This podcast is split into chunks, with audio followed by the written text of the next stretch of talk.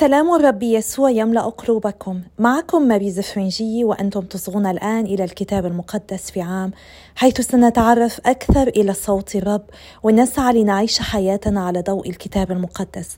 نحن مستمرون في مسيرتنا مع آبائنا في تجوالهم في الصحراء وفي البرية وقد بقي لنا فقط بضعة أيام قبل أن نبدأ مرحلة جديدة مع يشوع قبل دخول أرض الميعاد. وصلنا إلى اليوم الخامس والسبعون وسنستمر في قراءتنا من سفر العدد وسفر تثنية الاشتراع وسنصلي اليوم المزمور المئة والثالث عشر. سفر العدد الفصل التاسع والعشرون. عيد الهتاف. وفي اليوم الأول من الشهر السابع محفل مقدس يكون لكم فلا تعملوا فيه عمل خدمة. يكون لكم يوم الهتاف واصنعوا محرقة رائحة رضا للرب عجلا من البقر وكبشا وسبعة حملان حولية تامة وتقدمتها من سمير ملتوت بزيت ثلاثة أعشار للعجل وعشران للكبش وعشر لكل حمل من الحملان السبعة. ويكون تيس من الماعز ذبيحة خطيئة للتكفير عنكم فضلا عن محرقة الشهر وتقدمتها والمحرقة الدائمة وتقدمتها وسكبهما بحسب فريضتها رائحة رضا ذبيحة بالنار للرب. يوم التكفير وفي اليوم العاشر من الشهر السابع هذا محفل مقدس يكون لكم تذللون فيه أنفسكم ولا تعمل فيه عمل خدمة وقربوا محرقة للرب رائحة رضا عجلا من البقر وكبشا وسبعة حملان حولية تكون لكم تامة. وتقدمتها من سمير ملتوت بزيت ثلاثة أعشار للعجل وعشران للكبش وعشر لكل حمل من الحملان السبعة. ويكون تيس من الماعز ذبيحة خطيئة فضلا عن ذبيحة الخطيئة للتكفير التي تقرب يوم التكفير وعن المحرقة الدائمة وتقدمتها وسكبهما. عيد الأكواخ. وفي اليوم الخامس عشر منه محفل مقدس يكون لكم فلا تعملوا فيه عمل خدمة وتعيدون عيدا سبعة أيام للرب. وقربوا محرقة ذبيحة بالنار رائحة رضا للرب. ثلاثة عشر عجلا من البقر وكبشين وأربعة عشر حملا حوليا تكون تامة. وتقدمتها من سمير ملتوت بزيت ثلاثة أعشار لكل عجل من العجول الثلاثة عشر وعشران لكل كبش من الكبشين وعشر لكل حمل من الحملان الأربعة عشر. ويكون تيس من الماعز ذبيحة خطيئة فضلا عن المحرقة الدائمة وتقدمتها وسكيبها. وفي اليوم الثاني اثني عشر عجلا من البقر وكبشين وأربعة عشر حملا تاما وتقدمتها وسكبها للعجول وللكبشين وللحملان بعددها على حسب الفريضة ويكون تيس من الماعز ذبيحة خطيئة فضلا عن المحرقة الدائمة وتقدمتها وسكبها وفي اليوم الثالث أحد عشر عجلا وكبشين وأربعة عشر حملا حوليا تاما وتقدمتها وسكوبها للعجول وللكبشين وللحملان بعددها على حسب الفريضة. ويكون تيس ذبيحة خطيئة فضلا عن المحرقة الدائمة وتقدمتها وسكيبها. وفي اليوم الرابع عشرة عجول وكبشين وأربعة عشر حملا حوليا تاما وتقدمتها وسكوبها للعجول وللكبشين وللحملان بعددها على حسب الفريضة. ويكون تيس من الماعز ذبيحة خطيئة فضلا عن المحرقة الدائمة وتقدمتها وسكيبها. وفي اليوم الخامس تسعة عجول وكبشين وأربعة عشر حملا حوليا تاما وتقدمتها وسكبها للعجول وللكبشين وللحملان بعددها على حسب الفريضة. ويكون تيس ذبيحة خطيئة فضلا عن المحرقة الدائمة وتقدمتها وسكيبها. وفي اليوم السادس ثمانية عجول وكبشين وأربعة عشر حملا حوليا تاما. وتقدمتها وسكبها للعجول وللكبشين وللحملان بعددها على حسب الفريضة. ويكون تيس ذبيحة خطيئة فضلا عن المحرقة الدائمة وتقديمتها وسكبها وفي اليوم السابع سبعة عجول وكبشين وأربعة عشر حملا حوليا تاما وتقديمتها وسكبها للعجول وللكبشين وللحملان بعددها على حسب فريضتها. ويكون تيس ذبيحة خطيئة فضلا عن المحرقة الدائمة وتقديمتها وسكيبها. وفي اليوم الثامن محفل يكون لكم فلا تعملوا فيه عمل خدمة. وقربوا محرقة ذبيحة بالنار رائحة رضا للرب عجلا وكبشا وسبعة حملان حولية تامة. وتقديمتها وسكوبها للعجل والكبش والحملان بعددها على حسب الفريضة. ويكون تيس ذبيحة خطيئة فضلا عن المحرقة الدائمة وتقديمتها وسكيبها. ذلك ما تصنعونه للرب في مواسمكم ما عدا نذوركم وتقادمكم الطوعية لمحرقاتكم وتقادمكم وسكبكم وذبائحكم السلامية. الفصل الثلاثون. فكلم موسى بني إسرائيل بكل ما أمره الرب به. أحكام في النذور. وخاطب موسى رؤساء اسباط بني إسرائيل قائلا هذا ما أمر الرب به أي رجل نذر نذرا للرب أو حلف حلفا فألزم نفسه شيئا فلا يخلف قوله بل يعمل بحسب كل ما خرج من فمه.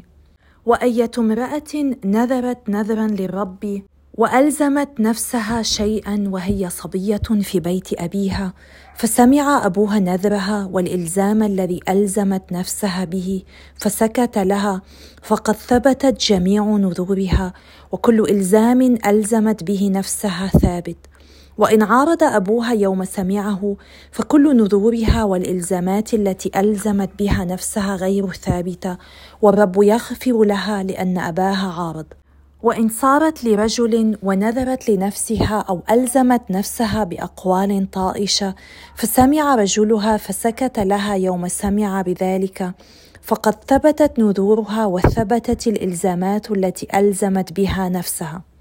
وإن عارض رجلها يوم سمعها فقد فسخ نذرها الذي عليها والأقوال الطائشة التي ألزمت بها نفسها والرب يغفر لها. وأما نذر الأرملة أو المطلقة فكل ما ألزمت به نفسها ثابت عليها. وإن نذرت نذرا أو ألزمت نفسها بقسم في بيت رجلها فسمع رجلها وسكت لها ولم يعارض فقد ثبتت كل نذورها وكل إلزام ألزمت به نفسها ثابت. وإن فسخ ذلك رجلها يوم سمع به فكل ما خرج من شفتيها من نذور وإلزامات على نفسها غير ثابت. لأن رجلها قد فسخه والرب يغفر لها. كل نذر وكل قسم ملزم بتذليل النفس فرجلها يثبتهما ورجلها يفسخهما. وإن سكت لها رجلها من يوم إلى يوم فقد أثبت جميع نذورها وإلزاماتها التي عليها لأنه سكت لها يوم سمعها. فإن فسخ ذلك بعدما سمع به فقد حمل وزرها. تلك هي الفرائض التي أمر الرب بها موسى أن تكون بين الرجل وامرأته وبين الأب وابنته وهي صبية في بيت أبيها. سفر تثنية الاشتراع الفصل التاسع والعشرون. تذكير بأحداث التاريخ. ودعا موسى إسرائيل كله وقال له قد رأيتم كل ما صنع الرب أمام عيونكم في أرض مصر بفرعون وبرجاله كلهم وأرضه كلها تلك التجارب العظيمة التي رأتها عيناك وتلك الآيات والخوارق العظيمة. ولم يعطكم الرب إلى هذا اليوم قلوبا لتعرفوا وعيونا لتبصروا واذانا لتسمعوا. وقد سيرتكم في البرية أربعين سنة لم تبل ثيابكم عليكم ولا بليت نعلك في رجلك. وخبزا لم تأكلوا وخمرا ومسكرا لم تشربوا. لكي تعلموا أني أنا الرب إلهكم. ثم وصلتم إلى هذا المكان فخرج سيحون ملك حشبون وعوج ملك باشان للقائنا للقتال فضربناهما. وأخذنا أرضهما وأعطيناها ميراثا للرأوبنيين والجاديين ولنصف سبط المنسيين فاحفظوا كلمات هذا العهد واعملوا بها لكي تنجحوا في كل ما تصنعون. قطع العهد في مؤاب. أنتم واقفون اليوم جميعا أمام الرب إلهكم. رؤساؤكم وزعماؤكم وشيوخكم وكتبتكم وكل رجل في إسرائيل وأطفالكم ونساؤكم ونزيلك الذي في وسط مخيماتكم من محتطب الحطب إلى مستقي الماء. لكي تدخل في عهد الرب إلهك وفيما يرافقه من يمين لعنه يقطع الرب إلهك العهد معك اليوم لكي يقيمك اليوم له شعبا ويكون لك الها كما قال لك وكما أقسم لأبائك إبراهيم وإسحاق ويعقوب. وليس معكم وحدكم أنا قاطع هذا العهد ومقسم يمين اللعنة هذه. بل مع من هو واقف معنا اليوم أمام الرب إلهنا ومع من ليس ها هنا اليوم معنا.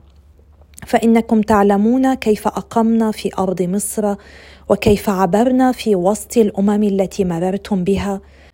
وقد رأيتم أرجاسها وأصنامها القريبة من خشب وحجارة ومن فضة وذهب مما هو عندها كي لا يكون فيكم رجل أو امرأة أو عشيرة أو سبط قلبه منصرف اليوم عن الرب إلهنا إلى عبادة آلهة تلك الأمم فيكون فيكم جذر منتج سما ومرارة. فإذا سمع أحدهم كلمات يمين اللعنة هذه وبارك نفسه في قلبه قائلا يكون لي سلام حتى ولو سرت بتصلب قلبي بحيث يفني الريان العطشان. لا يرضى الرب أن يغفر له بل يشتعل غضب الرب وغيرته على ذلك الرجل. فتسقط عليه اللعنة المكتوبة كلها في هذا السفر ويمحو الرب اسمه من تحت السماء. ويفرده الرب للشر من اسباط إسرائيل كلهم على حسب جميع لعنات العهد المكتوبة في سفر هذه الشريعة. جلاء ولعنة. فيقول الجيل الآتي أي بنوكم الذين يقومون من بعدكم والغريب الذي يأتي من أرض بعيدة حين يرون ضربات تلك الأرض وأمراضها التي ابتلاها بها الرب الكبريت والملح ولفح الأرض حتى لا تزرع ولا تنبت ولا يرتفع بها شيء من العشب مثل انقلاب سدوم وعمور وادمى وصبوئيم التي قلبها الرب بغضبه وغيظه. فتقول الأمم كلها لماذا صنع الرب كذا بهذه الأرض؟ وما شدة هذا الغضب العظيم؟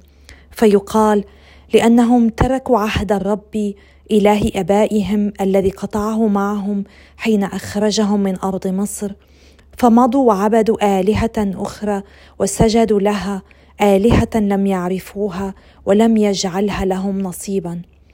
فغضب الرب على تلك الأرض فأحل بها اللعنة المكتوبة كلها في هذا السفر واستأصلهم الرب من أرضهم بغضب وغيظ وسخط عظيم. وطرحهم في أرض أخرى كما هم في هذا اليوم. الخفايا للرب إلهنا والمعلنات لنا ولبنينا للأبد لكي نعمل بجميع كلمات هذه الشريعة. المزمور المئة والثالث عشر. هللويا. يا عبيد الرب سبحوا لاسم الرب سبحوا ليكن اسم الرب مباركا من الآن وللأبد. من مشرق الشمس إلى مغربها اسم الرب مسبح. تعالى الرب على جميع الأمم وفوق السماوات مجده. من مثل الرب إلهنا الجالس في الأعالي الذي تنازل ونظر إلى السماوات والأرض. ينهض المسكين من التراب ويقيم الفقير من الأقدار ليجلسه مع العظماء عظماء شعبه. يجلس عاقر البيت أم بنين مسرورة. هللويا. يا أبانا السماوي إننا نسبحك نمجدك نشكرك على هذا اليوم نشكرك على عطية كلمتك اليوم نشكرك لأنك تشاركنا قلبك من خلال مشاركتك كلمتك معنا. وبطريقة مميزة وخاصة نسبحك لأنك تشاركنا الكلمة المتجسد معنا الرب يسوع المسيح. ومن خلاله تعطينا الفرصة كي نصل إلى قلبك. يا رب نحن نقترب أكثر فأكثر من نهاية تجوالنا في الصحراء ونقترب من فترة الغزو والقضاة. نطلب منك يا رب أن تعطينا الشجاعة أن تعطينا القوة المثابرة لكي نكون قادرين على الاستمرار بالاستماع لكلمتك. وجعل كلمتك هي تغير عقولنا وتغير قلوبنا. نعم يا رب. أنت تريد أن تكشف لنا عن حكمتك وأن ترشدنا في كل طرقنا ولكن علينا أن نحبك أن نطيعك أن نصغي إليك. أعطنا يا رب النعمة لنثبت ونصغي إليك حتى نقدر أن نعيش يا رب حياتنا منتمين إليك. أنت الآب الصالح. باسم يسوع نصلي آمين. باسم الآب والابن والروح القدس الإله الواحد آمين.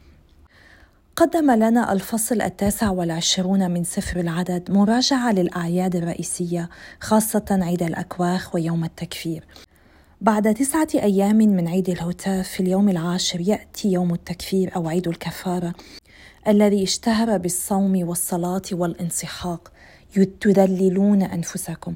لهذا كان من أسماء هذا العيد أيضا عيد الغفران. وهو كباقي الاعياد حرم فيه على الشعب القيام بأي عمل من أجل التفرغ للعبادة والصوم. وقد شرحنا هذا العيد بكل تفاصيله في سفر اللاويين بكل مراسمه وخطواته وهنا يعيد الله تذكير الشعب لأهمية معنى هذا العيد روحيا وتاكيدا على معنى الغفران بالدم ويحمل هذا العيد مضمون طقوسه فكرة الفداء. في هذا اليوم كانوا يذللون نفسهم ويقدمون ذبائح تكفير عن معاصيهم مما يدعونا للتأمل بمحبة الرب يسوع الذي افتدانا على الصليب. فليفرح قلبك بهذه المحبة الفائقة التي أظهرها لنا الرب يسوع بافتدائنا على الصليب. ولتسعى لرفض كل خطيئة لأنها كانت هي السبب كل ألامه وموته على الصليب. تذكر كل مرة ترفض فيها أن تنال رحمة الله من خلال سر الاعتراف بذهابك إلى الكاهن بقلب تائب والاعتراف بكل خطاياك بحجة أنك لم ترتكب شيئا خطا عظيما. تذكر فقط الثمن الباهظ الذي دفعه الرب يسوع تكفيرا عن معاصيك سواء كانت صغيرة أو كبيرة. فكر في الخطيئة وكأنها سم يودي بروحك إلى الهلاك الأبدي. ملعقة سم أو كوب سم يكونان مضران بصحتك. وكذلك الخطيئة الصغيرة والخطيئة الكبيرة تكسر العلاقة بينك وبين الله. فسارع إلى سر الاعتراف عندما يحصل ذلك. وابني هذه العلاقة من جديد لأن الرب يحبك حبا لا يمكنك أن تتصوره. ورحمته أكبر بكثير من أن تستوعبها. قرأنا اليوم عن عيد الأكواخ من جديد حيث يقدم الإسرائيليون الكثير من الذبائح نعم قرابين كثيره لأنه عيد وفره إنها طريقة للقول يا رب لقد أعطيتنا الكثير لذلك نحن نرده إليك بكل امتنان. الله يعطينا الكثير كل شيء هو عطية منه. لذلك يطلب من الناس في هذا العيد أن يتخلوا عن الكثير لله بسبب وفرتهم. بالطبع إن الله لا يحتاج إلى قرابيننا. الرب لا يحتاج إلى شيء منا. الله لديه كل شيء. هو يعطينا كل شيء. ولكنه يطلب منا أن نقدمها لمصلحتنا لازدهارنا لكي يساعدنا كي نعيش بروح امتنان أكثر لكل عطاياه لنا. وكان لهذا العيد اسم آخر وهو عيد الجمع أو الشكر إذ أنه كان يأتي بعد أن ينتهي الشعب من جمع كل المحاصيل وثمار الاشجار لعل هذا الموضوع يمسنا جميعنا ليس فقط اليهود في ذلك الوقت. فلنسأل أنفسنا سؤالا هل نعطي الله بسخاء؟ هل نعطي بسرور معبرين له عن شكرنا؟ هل عند نجاح أبنائك أو نجاحك أو تفوقك في شيء ما ربما الحصول على بونس في عملك هل تتذكر أن تتقدم لله بتقديمة شكر تعبر بها عن حبك له عن امتنانك له؟ كل هذه الذبائح التي قرأنا عنها اليوم وقرأنا عنها سابقا تذكرنا بضرورة سفك دم لنيل الخلاص. فبدون سفك دم لا تحصل مغفرة كما نقرأ في رسالة إلى العبرانيين. وذبيحة الصليب كانت تحمل كل المعاني التي في الذبائح اليهودية المختلفة وهي الذبيحة الأسمى والأعظم التي من خلالها خطايانا قد غفرت. قرأنا اليوم أيضا عن النذور التي سبق أن تحدثنا عنها في سفر اللاويين وفي سفر العدد. أما التركيز هنا فكان على الالتزام بها وعلى بعض أنواع النذور التي تتطلب موافقة الزوج أو الأب. فلنتذكر أن النذر هو عمل ما أو تقدمة أو امتناع عن شيء مثل الطعام. ويشترط في النذور أن تكون في حدود وصايا الله ولا تتعارض معها أن تكون في حدود طاقة الإنسان وإمكانياته أن يكون النذر محددا يمكن إيفاؤه. فلا يقال مثلا أقدم محبة لله بل علينا أن نقدم شيئا معينا. لا ينذر الإنسان نيابة عن غيره مثل نذر الأب عن ابنه أو عن زوجته. من لا يفي نذره لا يعاقبه الكهنة والقضاة ولكن يكون مخطئا في حق الرب والرب يغضب عليه. تستأذن الفتاة والدها أو الزوجة زوجها عندما تنذر يجب عدم تأجيل إفاء النذر لأن في ذلك عدم عرفان بجميل الله ويعرض الإنسان لنسيان النذر وعدم إفائه. لذلك يفضل كتابة النذر والاحتفاظ بالكتابة في مكان معروف تجنبا لنسيانه. نسمع غالبا عن أشخاص ينذرون نذورا لله ولكننا نلاحظ أن الطريقة التي يفعلونها يطلبون شيئا من الله وإذا حققه الله هم سينفون بوعدهم. ما يختلف بعض الشيء عن النذور التي نتحدث عنها. ونلاحظ أن هذه النذور قد يمكن للأب أو يمكن للزوج أن يبطلها.